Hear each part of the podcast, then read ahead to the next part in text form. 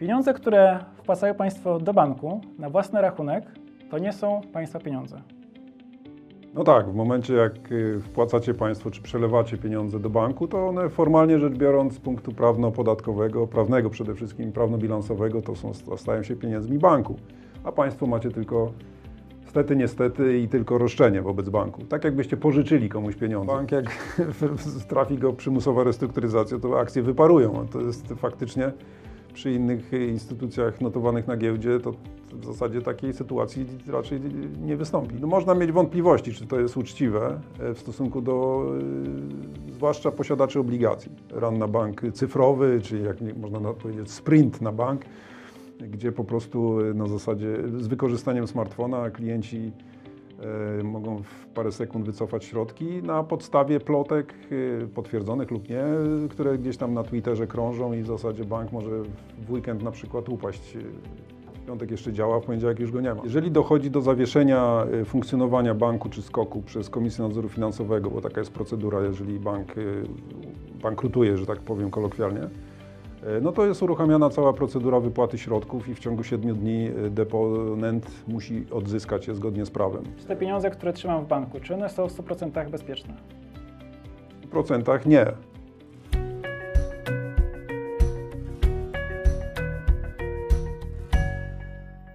Dzień dobry.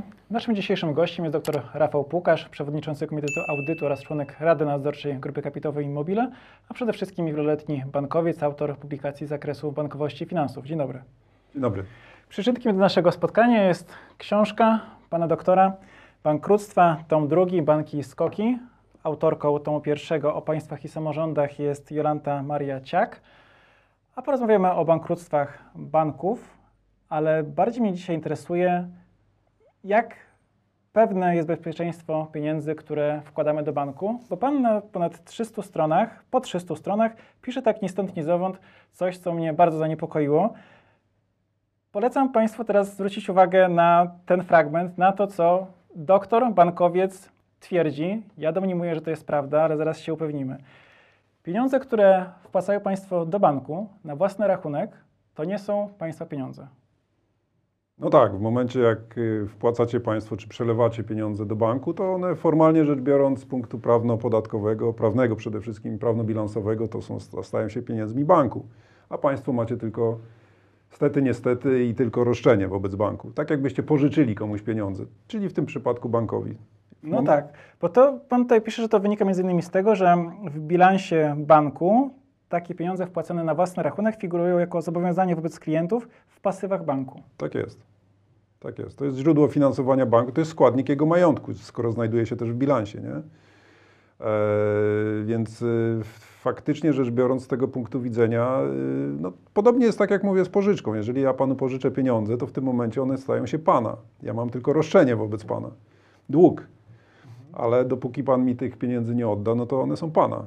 Więc na tej samej, samej zasadzie bank przyjmuje ode mnie te pieniądze. No dobrze, a to w takim razie, czy te pieniądze, które trzymam w banku, czy one są w 100% bezpieczne? W 100% nie. W 100% nie są bezpieczne. Prawo polskie, unijne generalnie, gwarantuje depozyty w bankach i skokach do 100 tysięcy euro. I to też tylko osobom fizycznym i przedsiębiorstwom, ale już niektórym tam instytucjom finansowym, czy, czy skarbowi państwa, czy samorządom już nie. Także ich depozyty nie są chronione. A tych grup, o których wspomniałem, czyli przedsiębiorców i gospodarstw domowych, tak, do, do, do tych 100 tysięcy euro są faktycznie w 100% chronione. Jak Pan ocenia ten system? Ale tylko dodam, że chodzi o depozyty. Już na przykład o obligacje własne banku nie. Do tego przejdziemy za chwilę. Problem obligadariuszy banków, które zostały poddane przymusowej restrukturyzacji jest faktycznie ciekawy, ale ta ochrona do 100 tysięcy euro. Tak. Załóżmy, że bank albo upada, albo zostaje przejęty. Różne są tutaj sposoby e, ratowania banków. E, czy ja muszę coś zrobić, żeby te moje, ten mój depozyt do 100 tysięcy euro odzyskać, czy to się wszystko dzieje automatycznie? Jak to wygląda? Jeżeli dochodzi do zawieszenia e, funkcjonowania banku czy skoku przez Komisję Nadzoru Finansowego, bo taka jest procedura, jeżeli bank bankrutuje, że tak powiem kolokwialnie, no to jest uruchamiana cała procedura wypłaty środków i w ciągu 7 dni e, deponent musi odzyskać je zgodnie z prawem. E, w praktyce wygląda to tak, że wyglądało do tej pory, bo to już dawno nie mieliśmy z czymś takim do czynienia, parę lat, e, że klient e, zgłasza się do wytypowanego przez e, Bankowy Fundusz Gwarancyjny banku, innego wytypowanego banku, który wypłaca mu te środki w ciągu tych siedmiu dni. Także musi się tam stawić do oddziału tam. Zwykle to jest jakiś bardzo duży bank, jeden z tych największych, który organizuje ten cały proces wypłaty środków. I albo gotówką, albo przelewem się wtedy w tym banku y, załatwia to. E, I na to się tam zwykle to trwa tam 2-3 miesiące, a potem jeżeli ktoś nie zdąży, zapomniał albo jest za granicą i nie miał okazji, no to ma jeszcze te 5 lat, żeby w, bezpośrednio w siedzibie Bankowego Funduszu Gwarancyjnego odzyskać te środki. Mamy ochronę z BFG, banków, które są bankami polskimi, ale jeszcze może dojść do sytuacji, gdzie jestem klientem w jakim, no de facto polskiego banku, operuję w języku polskim, operuję na polskim rynku, ale ochrona jest e, z innego kraju. Mieliśmy banki, które były objęte tymi programami e, zabezpieczeń czy z Włoch, albo nawet z Tak. Estonii. E, To wtedy też mogę się czuć bezpiecznie, bo te limity wyglądają wtedy inaczej. Tak, to te banki, w sumie w Polsce jest 30 kilka oddziałów banków, tak zwanych instytucji kredytowych, czyli banków z Unii Europejskiej, spoza Polski. I one na zasadzie paszportu europejskiego działają w Polsce, y, przyjmują wpłaty. y, Część z nich, y, niektóre właśnie, o których Pan wspomniał, czyli Inbank, Icano Bank czy, czy BFF Group, taki włoski bank w internecie, lokaty oferujące korzystnie oprocentowane. One wszystkie mają gwarancję też 100 tysięcy euro, do 100 tysięcy euro, tak jak w Polsce, bo to są te same unijne przepisy, tylko tyle, że trzeba w razie upadłości takiego banku się pofatygować wtedy za granicę, tam gdzie ten bank ma siedzibę. Także to jest jedyna niedogodność. Aczkolwiek tutaj Polski Bankowy Fundusz Gwarancyjny obiecuje, że pomoże w tym procesie, że klient nie będzie musiał tam gdzieś za granicę jechać, żeby odzyskać te środki. Na razie nie mieliśmy z czymś takim do czynienia. E, Ale ty, tak czy owak te środki są chronione do tych 100 tysięcy, na tych samych zasadach identycznych. To jest dyrektywa po prostu y, ta sama, na podstawie której polska ustawa o BFG została przyjęta w 2016 roku. Wiemy, że żaden bank nie wytrzyma tak zwanego ranu na bank. E, Tutaj na przykładzie tej książki, gdzie Pan pisze o przykładach historycznych, możemy porównać, jak to wyglądało 30 lat temu, na przykład w Bydgoszczy, e, na przykładzie Bydgoskiego Banku Budowlanego oraz Bydgoskiego Banku Komunalnego. To plotka się rozchodziła i przez kilka tygodni sytuacja nabrzmiewała, coraz więcej ludzi słyszało, że coś z tym bankiem nie gra, coś tam, coś tam się dzieje niedobrego, ludzie ustawiali się w kolejkach, aż dochodziło do momentu, gdzie ty, tych pieniędzy w kasie okazało się, że nie ma tyle, żeby każdemu wypłacić z, z ich własnych kont. A teraz mamy cyfrowy run na bank i to się może rozstrzygnąć w godzinach, bo mieliśmy, mieliśmy taki przykład w tym roku. Tak, tak, to było widać właśnie w ramach kryzysu bankowego w Stanach Zjednoczonych y, w marcu tego roku, kiedy Silicon Valley Bank y, plus jeszcze parę innych mniejszych banków y, w ten sposób szybko zakończyło żywot. Właśnie tak jak Pan wspomniał, taki run na, run na bank cyfrowy, czyli jak można na- powiedzieć sprint na bank, gdzie po prostu na zasadzie z wykorzystaniem smartfona klienci mogą w parę sekund wycofać środki na podstawie plotek y, potwierdzonych lub nie, które gdzieś tam na Twitterze krążą i w zasadzie bank może w weekend na przykład upaść. y, W piątek jeszcze działa, w poniedziałek już go nie ma. E, Więc to, to zwłaszcza w takim banku jak ten, który wymieniłem, to było widoczne bardzo szybko, ponieważ tam byli duży, duzi deponenci. Tak? To, to raczej To był bank dla startupów. tak, także tam jacyś milionerzy trzymali pieniądze i Z boją... kręgu, z kręgu znajomych de facto, więc tam jeszcze to szło po jakichś tam messengerach czy whatsappach, ta informacja nawet nie musiała być publiczna i grono kilkudziesięciu osób de facto było w stanie ten bank no, doprowadzić do sytuacji, gdzie on już nie mógł funkcjon- funkcjonować. Tak, to się tam zdarzyło. W polskich realiach raczej to by było trudne, myślę, bo banki jednak stosują pewne techniczne zabezpieczenia, żeby dużych przelewów nie robić tak sobie po prostu. E, By trzeba się pofatygować do oddziału jednak, żeby tam to ten duży przelew jakiś milio- milionowy zrobić. E, więc to też ma taki efekt, żeby trochę ostudzić może tych klientów i głowy, żeby nie lecieli w kolejki i wypłacali, chociaż takie sytuacje e, właśnie stania w kolejkach, y, tak jak Pan wspomniał w latach 90., ale no, również na początku lat 2000 zdarzały się, że, że banki się przewracały przez to, bo ktoś, jakaś plotka się rozeszła. No, ostatnio mieliśmy w, 5 lat temu przypadek upadku banku spółdzielczego w Grębowie. To właśnie na tej zasadzie, że tam lokalna społeczność się zwiedziała, że coś nie tak jest z bankiem, polecieli wszyscy wypłacać i w zasadzie już panika, no i w zasadzie było pozamiatane, jak to się mówi. Nie udało się już banku uratować. No tak, bo ten cały system na poziomie jednego banku i w ogóle całego systemu jest oparty na zaufaniu. Tak. Jak to jest, że tak jak Pan mówi, BFG dysponuje kolosalną kwotą 17 miliardów złotych, ale jest to zaledwie 1% tego, co należałoby wypłacić, gdyby wszystko się zawaliło. A jednocześnie mamy wszyscy poczucie, historia pokazuje, że to prawda, że ten BFG jest w stanie sytuację uratować, jeśli nawet duży bank się przewróci. Jak ten 1% może stabilizować sytuację? Tak, no trzeba powiedzieć, że BFG jest finansowany ze składek banków głównie i to tych największych w relacji do ich aktywów.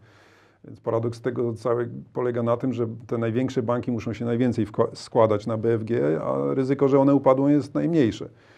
E, Ten 1% jest, e, to nie jest oczywiście sztywna jakaś kwota, ale to jest faktycznie, tak jak Pan wspomniał, kilkanaście miliardów złotych, które mogłoby wystarczyć, żeby ratować e, deponentów jakiegoś małego banku, czy kilku małych banków, natomiast nie, nie tych dużych. Stąd wymyślono przepisy o przymusowej restrukturyzacji, o wsparciu kapitałowym dla banków ze strony państwa, po to, żeby nie doprowadzać do tak, takiej klasycznej upadłości, która by powodowała, że występuje e, obowiązek wypłaty środków e, gwarantowanych przez BFG, bo wtedy faktycznie te środki mogłyby się szybko skończyć. E, Przypomnijmy, e, że te największe upadłości banków, takie klasyczne upadłości, że nie było tam żadnej procedury przymusowej restrukturyzacji, tak jak obecnie to jest robione, czyli przypadek skoku Wołomin, czy rok później SK Banku, to były w sumie nieduże instytucje, powiedzmy, że średnio duże, a każdy z nich kosztował ponad 2 miliardy złotych BFG, także to już stanowiło niesamowitą wyrwę.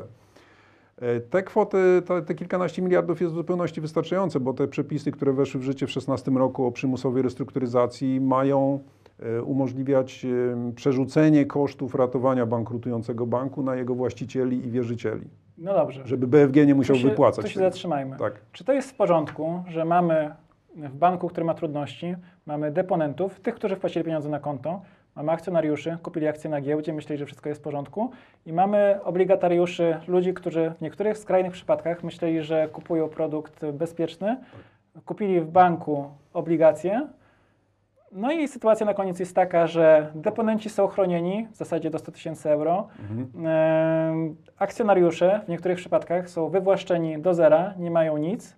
Obligatariusze to samo. Tak. Czy to jest w porządku? E, Czy to jest w porządku? Nie jest kategorią prawną. To prawda, ale pan się tym zajmuje całe zawodowe życie, To jest bardziej kwest, kwestia bardziej moralna, czy uczciwości jakiejś takiej. e, No, e, no można mieć wątpliwości, czy to jest uczciwe w stosunku do zwłaszcza posiadaczy obligacji. Ale tak zostały przyjęte przepisy w skali Unii Europejskiej i na tej podstawie polska ustawa o BFG z 2016 roku, żeby właśnie przerzucić koszty e, ratowania takiego bankruta, czy potencjalnego bankruta na, wierz- na właścicieli i wierzycieli. Czyli przede wszystkim właśnie akcje ak- em, traci akcjonariusz, one są umarzane z mocy prawa w momencie wdrożenia procedury przymusowej restrukturyzacji. No i niestety wierzyciele też, a wśród wierzycieli niestety właśnie często by, by, by, byli jacyś tam drobni ciułacze, którzy zostali w procesie niestety mis-sellingu namówieni na przerzucenie pieniędzy z lokat na obligacji. To był przypadek właśnie Getin Banku, niestety. Tutaj, jeśli chodzi o akcjonariuszy, mamy jeszcze gorszą sytuację niż gdyby te akcje spadły do zera. Bo jeśli akcje e, są warte 0 zł, 0 groszy i ktoś je, no, albo grosz, ktoś je zbywa z tego rachunku makryskiego, no to ma stratę, może sobie tam Tak. przez kilka lat ją odliczyć.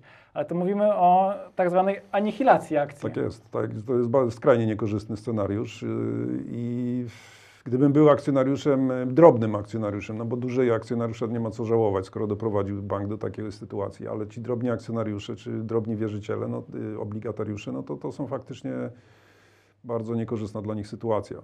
Mm, Czy oni to kupowali, będąc tego świadomi, to jest inna sprawa, bo albo był to mis-selling w przypadku tych obligacji, ale no, przy- akcjonariusz no, to raczej nie był mis-selling, że on kupił te akcje. Więc tutaj niestety własna, własna, że tak powiem, niewiedza trochę uderza w tego akcjonariusza drobnego. No ale faktycznie te przepisy, chociażby podatkowe, mogłyby być bardziej korzystne dla nich. W momencie, gdy oni tracą te akcje, jest ich anihilacja, jak Pan wspomniał, no to oni nic z tym nie mogą zrobić. Po prostu one wyparowują z ich rachunku. Także nawet podatkowej straty nie mają. I to jest, to jest, to jest niekorzystne i to, to jest niezrozumiałe w sumie. Na początku trzeciej RP, kiedy słyszeliśmy o bankructwie banku, to była sytuacja, kiedy zrozpaczeni ludzie tracili pieniądze Mhm. i te banki upadały. Natomiast teraz już w tym rozwoju, także na poziomie europejskim, doszliśmy do różnych em, regulacji i takich map drogowych, co po kolei ma się dziać. Więc e, na przykładzie możemy wybrać najlepiej jakiś bank, e, który został przejęty w tym trybie Resolution. Co się dzieje po kolei, jak na przykład KNF stwierdza, ten bank, tam cyferki się nie zgadzają, jest za mało kapitału własnego, albo jakieś inne wskaźniki nie, nie działają. Co się po kolei dzieje? Y, Myślę, że no tutaj mieliśmy w Polsce do czynienia z czterema takimi operacjami y, w ostatnich latach. Po raz pierwszy w 2020 roku, potem w 2021 i, i w 2022 ostatni raz największa tego typu operacja, czyli Getin Bank. W- Sytuacja jest, y, oczywiście to się nie, nie dzieje tak z nienacka, że, że bank po prostu upada, znaczy kwalifikuje się do tego. E, Przymusową restrukturyzację, czyli resolution, wdraża się w sytuacji, kiedy bank zmierza ku przepaści, a jest za duży, żeby mu pozwolić upaść. To może nie być największy bank, ale jak już jest średniej wielkości, to nie można mu na to pozwolić, no bo te 17 czy tam kilkanaście miliardów, które ma BFG, mogłyby po prostu nie starczyć. A nawet jakby starczyły, no to ktoś musiałby potem to zrefinansować, czyli wszyscy deponenci ze wszystkich banków, no bo banki musiałyby znowu podwyższone składki na BFG płacić. Więc y, procedura jest taka, że jeżeli ten bank już y, chwieje się, a to się dzieje zwykle kilka lat, to nie jest tak, że tam z dnia na dzień on y, ma dramatyczną sytuację finansową. To się dzieje parę lat zazwyczaj. Po drodze są jakieś tam plany naprawcze jeszcze próbowane, próba wdrożenia. Jeżeli to nie daje efektu, no to KNF y, po prostu, y, znaczy inaczej, y, procedura, procedury przymusowej restrukturyzacji uruchamia Bankowy Fundusz Gwarancyjny, czyli on de facto, e, to się dos- dosyć tak po kryjomu dzieje, jeśli tak można powiedzieć, żeby tutaj paniki nie, nie. To się zdarzyło zresztą w przypadku Getin Banku. E, Z dnia na dzień BFG ogłaszał wszczęcie tej procedury. W zasadzie w jeden dzień, e, tak jakby bank zostaje przejęty przez BFG, wszystkie akcje i obligacje są anihilowane i w zasadzie jedynym właścicielem staje się BFG. W następnym kroku on wyjmuje wszystko, co wartościowe z tego banku, e, czyli najczęściej jakieś aktywa nietoksyczne, powiedzmy, tak? Czyli zostawia się jakieś na przykład frankowe kredyty, czy jakieś roszczenia tam obligatariuszy. I to wszystko, co wartościowe, wyjmuje się, czyli klientów, oddziały, pracowników, brzydko mówiąc, wyjmuje się z tego trupa, za przeproszeniem, i przenosi do, e, do instytucji pomostowej, e, czyli jakiegoś nowo utworzonego banku, tak jak teraz mamy Velobank, albo przejmuje to jakiś bank już istniejący, czyli na przykład PKO SA przejął y, to, co z Idea Banku zostało wyjęte. Także taka jest procedura. No potem ten, ta pozostałość dryfuje, tam już nic wartościowego nie ma, tylko jakieś toksyczne aktywa, czyli to, to, to co w Getin Banku zostało na przykład i on e, został y, postawiony w stan upadłości, no i w- dwa miesiące temu w lipcu BFG został, została ogłoszona upadłość przez Sąd Warszawski. E, i w zasadzie zakończył żywot, a wszystko co wartościowe przeniesiono do, do, do banku pomostowego, czyli Wielobanku, który teraz jest wystawiony na sprzedaż, jest kilku chętnych i pewnie w ciągu paru miesięcy zostanie sprzedany. On jest pozbawiony tego garbu e, jakichś toksycznych rzeczy, które zostały w, w Getin Banku i które tam, tam sobie po prostu z roszczenia można jeszcze kierować. Na przestrzeni 30 lat ta droga, którą pokonaliśmy jest imponująca, bo to mamy od tych em, ludzi zdesperowanych, stojących przed bankiem, płaczących, że ich pieniądze zniknęły, Tak. do sytuacji, gdzie bank no, w jakimś sensie upadł, ale ja jako klient nawet nie zauważyłem. Tak, no tutaj kluczowy był kryzys 2008 roku. Konieczność ratowania tych największych banków. W Polsce na szczęście to nie, nie, nas nie dotyczyło, natomiast yy, w Stanach czy w zachodniej Europie tak, więc potem przyjęto te przepisy, które umożliwiły właśnie przymusową restrukturyzację, żeby nie było powtórki z rozrywki. Żeby znowu nie musieć yy, właśnie ratować tych yy, zbyt dużych, by upaść, jak to się mówi, banków kosztem, kosztem podatników. E, tylko przerzucono koszty na właścicieli i wierzycieli. Bo tutaj od momentu tego kryzysu w 2008-2010 to mówimy o takich dwóch podstawowych metodach, bail-in i bail-out. Tak, no bail, bailout był, czyli, y, czyli de facto nacjonalizacja banku albo częściowa nacjonalizacja y, tymczasowa. To właśnie było zastosowane w 2008 roku. No ale to było kosztowne, no bo podatnicy to sfinansowali de facto. Potem jak bank stanął na nogi, no to sobie, że tak powiem, funkcjonował dalej, a, a prezesi dalej sobie złote czy tam e, wysokie premie wypłacali, czy mieli złote spadochrony, więc to ich nawet nie zabolało, a podatnicy za to zapłacili.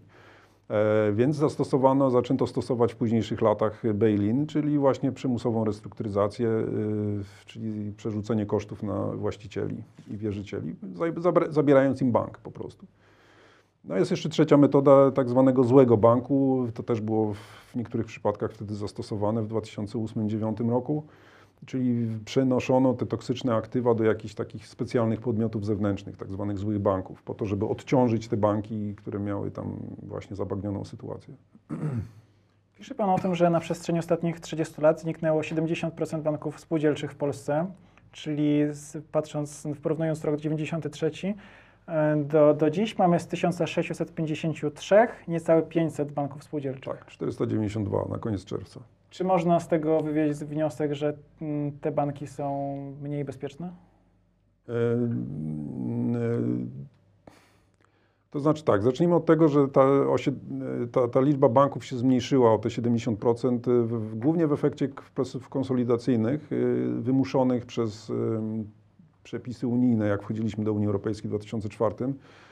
Y, Po prostu te banki są, większość z nich była za mała, żeby funkcjonować w nowych realiach prawnych. Powiatowe banki, można powiedzieć. Tak, gminne, powiatowe to są banki, które zatrudniają tam kilkanaście osób, może kilkadziesiąt czasami, więc większość z nich po prostu nie dawała rady. Milion euro kapitałów to tam rzadko który miał w tym 2004, no więc musiały się łączyć.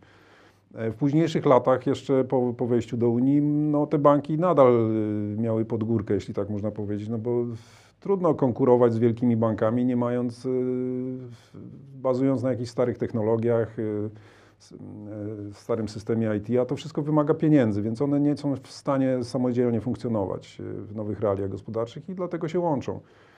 E, I zrzeszają w ramach zrzeszeń, tych dwóch zrzeszeń, banków zrzeszających, które też na zasadzie efektu skali w- umożliwiają funkcjonowanie tym bankom, y, skorzystanie z jakichś systemów informatycznych wspólnych, y, z jakiejś polityki marketingowej wspólnej, y, zaopatrzenia w różne towary czy, czy, czy, czy, czy, usług administracyjnych. Także to na pewno jest dla nich tańsze i bezpieczniejsze też. One zostały, banki spółdzielcze zostały zmuszone do tego w zasadzie przepisami w ostatnich latach, żeby przystąpić do jednego z dwóch y, takich systemów y, ochrony banków spółdzielczych, e, które były tworzone, są, były utworzone i są administrowane przez te dwa banki zrzeszające. I tylko te największe banki spółdzielcze, ich jest kilka dosłownie, które y, zdecydowały się pozostawać poza tym systemem ochrony. E, Ten system ochrony wymusza na bankach, przystąp, które przystąpiły do niego, e, wpłacanie tam e, składek, ale dzięki temu są też chronione przed jakimiś tam problemami finansowymi również. Wtedy jest taki, na zasadzie takiej solidarności, one się tam e, wspierają. Ten, ten system wspiera jakieś e, banki, które mają problemy. Natomiast na pewno e, są dużo ściślej nadzorowane banki spółdzielcze w ostatnich latach, e, e, zarówno przez KNF, jak i w ramach tych systemów ochrony. Mm, e, Więc mówienie, że one są mniej bezpieczne, to teraz już myślę nie jest aktualne. Tym bardziej, że środki są tam i tak do 100 tysięcy chronione przez BFG na tych samych zasadach. Mm, Więc z punktu widzenia klienta czy deponenta to, to nie ma znaczenia już teraz e, kwestie bezpieczeństwa. Bardziej to jest kwestia oferty produktowej, nowoczesności, mm, co kto lubi. No, myślę, że to nie jest już teraz decydujące. Mm, Były te przypadki jeszcze parę lat temu tych banków spółdzielczych, które przymusowo zrestrukturyzowano i których klienci stracili obligacje. Tu jeszcze był jeden ciekawy przypadek, Podkarpacki Bank Właśnie, Spółdzielczy. właśnie. Bo to jest też um, obligatariusze, to za chwilę, ale tam były jednostki samorządu te terytorialnego jako klienci, ponad 30 takich JST. Tak. No i w związku z tym trzeba było ten bank ratować, bo te pieniądze nie były chronione. Tak, trzeba powiedzieć, że ta ustawa z 16 roku o BFG, ona zastąpiła wcześniejszą e, z, z 94 e, i na podstawie tej nowej ustawy nie są chronione środki jednostek samorządu terytorialnego. I to miało niestety no, bardzo przykre konsekwencje w przypadku, tak jak Pan wspomniał, Podkarpa- Podkarpackiego Banku Spółdzielczego. W 2020 roku on e, no, już był, się okazało, że jest bankrutem. Zastosowano przymusową restrukturyzację i nie dość, że właściciele stracili go, to jeszcze ci obligatariusze, których było całkiem sporo.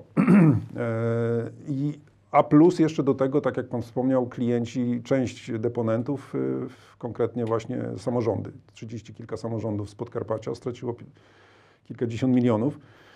No i to był bardzo duży, duży, duży skandal, można powiedzieć. Te środki tak zostały im po prostu zabrane i to jeszcze tak, jak oni to potem, ci samorządowcy e, krytykowali BFG, tak dosyć perfidny sposób, bo po prostu w styczniu, w momencie, kiedy dosta samorządy dostały na rachunek różne dotacje, które im się należały, rządowe, I tu nagle pach, nie ma tego banku. Czyli nie przeprowadzono tej operacji w grudniu, tylko w styczniu, jak już w grudniu, kiedy miały puste konta, tylko w styczniu, kiedy miały już zapełnione te konta. E, Więc e, sytuacja była no, skandaliczna, e, trudna dla kilkudziesięciu samorządów, e, więc tutaj rząd e, po prostu zdecydował się jednorazowo wspomóc te, e, zrefinansować jakby te straty kilkadziesiąt milionów i tutaj to była wyjątkowa taka operacja. Tam wiosną 20 roku po prostu rząd postanowił mm, no, zrefinansować te straty, ale nie musiał tego robić. Podsumujmy wątek bezpieczeństwa, e, jeśli chodzi o klientów. E, depozyty do 100 tysięcy euro e, są bezpieczne. Nawet jeśli bank tam słyszymy w radiu, że coś tam się dzieje, no to generalnie możemy być spokojni. Tak, depozyty w, w bankach i skokach. Tak, w bankach Nie jest, mówimy o innych instytucjach. to, to ważne. Tak. O parabankach nie mówimy. Banki, banki i skoki. Tak jest. E, akcje i obligacje, jeśli słyszymy, że coś się złego dzieje, możemy powiedzieć wprost, że lepiej omijać? Mówimy o akcjach banków? Tak. No to jest oczywiście, to jest ryzyko, no, jak, jak in, każda inna inwestycja giełdowa. No, w, nawet bardziej chyba trzeba Tak, powiedzieć. też mi się wydaje, że bardziej. Bo bank, jak trafi go przymusowa restrukturyzacja, to akcje wyparują. To jest faktycznie przy innych instytucjach notowanych na giełdzie, to w zasadzie takiej sytuacji raczej nie wystąpi, żeby tak zniknęły, zniknęła instytucja i jej papiery. Z dnia na dzień. Tak, no owszem, one mogą potanieć tam do paru groszy Tak. nawet, ale to można sobie wtedy podatkowo odliczyć nawet tą stratę, a tutaj nie. Także można powiedzieć, że z jednej strony deponenci są, czy forma y, oszczędzania w banku jest najbezpieczniejsza, ale nie dla akcjonariuszy tych banków. Wręcz przeciwnie, to jest jedna z najbardziej ryzykownych inwestycji w porównaniu do jakichś innych akcji. Dziękujemy za dziś. Jeśli mają Państwo pytania do doktora Pukarza, można je zadawać w komentarzach albo przez nasze social media. Przypominam, że pierwszy tom wydawnictwa o bankructwach dotyczył e, samorządów i państw, drugi banków i skoków, trzeci jest w druku, tym razem obywatele i przedsiębiorstwa. Przedsiębiorstwa i konsumenci i pod koniec września będzie w sprzedaży. Już jest w zasadzie w przedsprzedaży. Dziękujemy za dziś i do zobaczenia. Dziękuję bardzo.